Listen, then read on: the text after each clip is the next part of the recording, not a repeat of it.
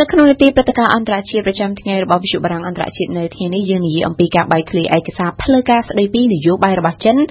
នៅក្នុងការបង្ក្រាបលើជនជាតិភាគតិចអ៊ុយហ្គូនៅខេត្តសិនជាងជុំវិញព័ត៌មាននេះយើងមានបទអន្តរកម្មពីគុយគុនធីរ៉ា ជម្រាបសួរគុនធីរ៉ាសួស្ដីសុភ័ណ្ឌគុនធីរ៉ាព័ត៌មានជុំវិញជនជាតិភាគតិចអ៊ុយហ្គូនៅខេត្តសិនជាងប្រទេសចិននឹងមិនមែនជារឿងថ្មីនោះទេចុះថាឯកសារផ្លូវការក្រោមឈ្មោះថាការ៉ាកាកលីសនឹងចេញមកពីណាហើយ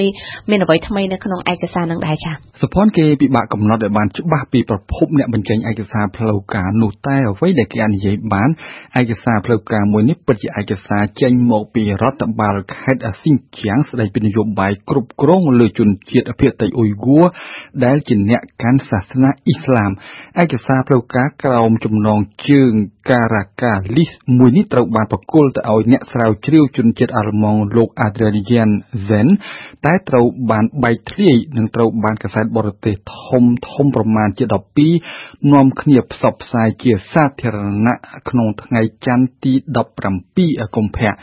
តាមរយៈឯកសារផ្លូវការមួយនេះសុភ័ណ្ឌគេបានដឹងយ៉ាងលម្អិតពីហេតុផលដែលរដ្ឋអំណាចចិនបានចាប់ជនជាតិភាគតិចអ៊ុយហ្គូទៅឃុំនៅក្នុងជំរំមួយយ៉ាងធំគួរបញ្ជាក់ថាការ៉ាកាសជាឈ្មោះស្រុកមួយស្ថិតនៅវាលរហោឋាននៃបេក្ខាំងត្បូងខេត្តអាស៊ីងជាងយោងតាមឯកសារផ្លូវការហេតុផលដែលរដ្ឋអំណាចចិនច្រើនប្រើដើម្បីអូសពួកអ៊ុយហ្គូទៅដាក់ក្នុងជំរំឃុំឃាំង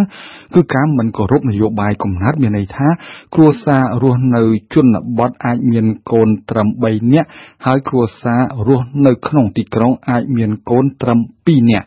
ក្រៅពីនេះសភ័ណ្ឌនៅមានហេតុផលមួយចំនួនទៀតដែលមិនសមហេតុសមផលទាល់តែសោះដូចយ៉ាងការសុំលិខិតឆ្លងដែនតែមិនដែលទៅណា ចេញពីប្រទេសហើយបែរជាបានត្រឡប់ចូលវិញ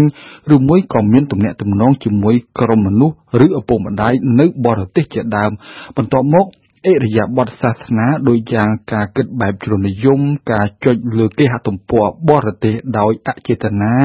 ការដែលស្ត្រីពាក់ស្បៃគ្របមុខឬបុរសទុកពមាត់វែង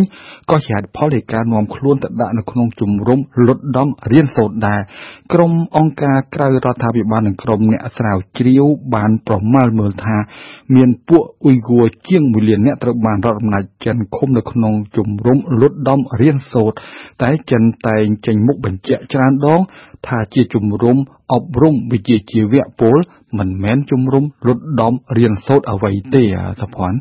ចាគុនធីរ៉ាអញ្ចឹងអ្វីទៅជាហេតុផលពិតប្រាកដដែលចិនបានសំអាងដើម្បីឃុំជនជាតិអ៊ុយហ្គូនោះរហូតមកដល់ពេលនេះសុភ័ណ្ឌចិនបានលើកយកយុទ្ធនាការប្រយុទ្ធប្រឆាំងនឹងភេរវនិយមធ្វើជាហេតុផល ដើម្បីឃុំជនជាតិអ៊ុយហ្គូគេអាចនិយាយបានថាហេតុផលមួយនេះអាចជាហេតុផលសមស្របព្រោះខេត្តស៊ីនជាងធ្លាប់ជាផ្ទាំងស៊ីតនៃការវាយប្រហារភេរវកម្មជាក់ស្ដែងក្នុងខែមេសាឆ្នាំ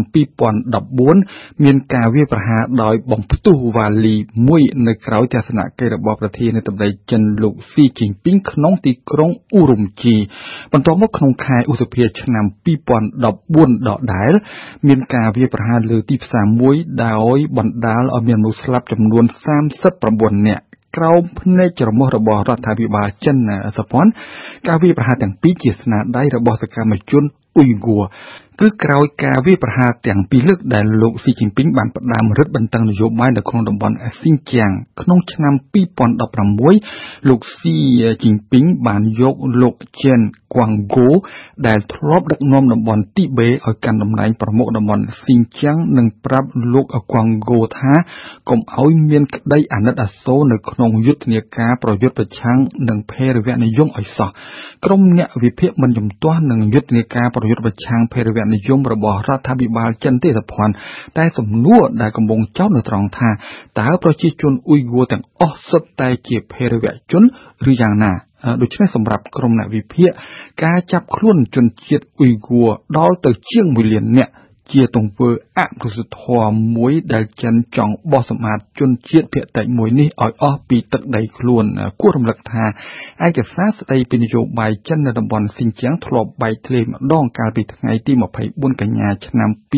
2019ក្រោមចំណងជើងថា China Cable China Cable បានចែងពីការណែនាំយ៉ាងសម្ងាត់របស់ស្ថាប័នប៉ូលីសជាន់ខ្ពស់ស្ដីពីដំណើរការនិងការគ្រប់គ្រងជំរំ ឃុំខ្លួនពួកអ៊ុយហ្គួរសភ័នអឺមួយវិញទៀតទន្ទឹមនឹងចំណាត់ការកណ្ដាប់ដៃដៃចំពោះពួកអ៊ុយហ្គួរដោយយកទៅឃុំឃាំងនៅជំរំឯកសារផ្លូវការដែលទៅតែបៃធ្លីហ្នឹងក៏បាននិយាយអំពីយុទ្ធនាការអប់រំដែរតើយុទ្ធនាការអប់រំហ្នឹងមានរូបភាពជាអ្វីខ្លះដែរគុនធីរ៉ាក្នុងបញ្ហានេះសពអ្នកស្រាវជ្រាវជនជាតិអាល្លឺម៉ង់លោក Adrian Zen បានផ្ដោតសំខាន់លើទួនាទីយុទ្ធនាការដែលគេឲ្យឈ្មោះថាសួរសុខទុក្ខប្រជាជន តាំងពីឆ្នាំ 2014គណៈបកកុម្មុយនីសចិនក្នុងតំបន់ស៊ីនជៀងបានបញ្ជូនកម្មាភិបាលចំនួន20ម៉ឺននាក់ឲ្យចុះសួរសុខទុក្ខប្រជាជនពិសេសពលរដ្ឋអ៊ុយហ្គួរដើម្បីស្វែងយល់ឲ្យបានស៊ីជម្រៅពីជីវិតរបស់ពួកគេដើម្បីបណ្ដុះបណ្ដាលគំនិតស្នេហាជាតិនិងដើម្បីប្រម៉ែប្រមូលព័ត៌មានពីពួកគេឲ្យបានកាន់តែច្រើនកាលណាល្អកាលនោះចុះកុំភ្លេចថាចិនតែងមានការប្រយ័ត្នប្រយែងខ្លាំងណាស់ចំពោះជនជាតិភាគតិចអ៊ុយហ្គួរដែលជាអ្នកកាន់សាសនាអ៊ីស្លាមតាមលោក Adrian Zen រយៈពេលនៃការឃុំខ្លួនពួកអ៊ុយហ្គួរនៅក្នុងជំរំមានយ៉ាងតិច1ឆ្នាំហើយគេបានសង្កេតឃើញថាអ្នកដែលបានដោះលែងហាក់មានការគិតផ្សេងនិងមានអិរិយាបថខុសពីមុនពោលហាក់មិនបានបង្ហាញចេញនូវការគំរាមកំហែងដូចមុនទេ តែទោះជាយ៉ាងនេះក្តីអ្នកដែលទទួលបានការដោះលែងត្រូវបានរដ្ឋអំណាចដាក់ក្នុងការតាមដាន ហើយនឹងអាចបញ្ជូនចូលជំរំជាថ្មី បើមានគំនិតកាយវិការប្រឆាំងឬមួយក៏ពួកគេបានបដិសេធមិនគោរពតាមច្បាប់ណាមួយនោះសុភ័ណ្ឌអរគុណគុណធីរ៉ាចំពោះបទអន្តរកម្មនៅថ្ងៃនេះ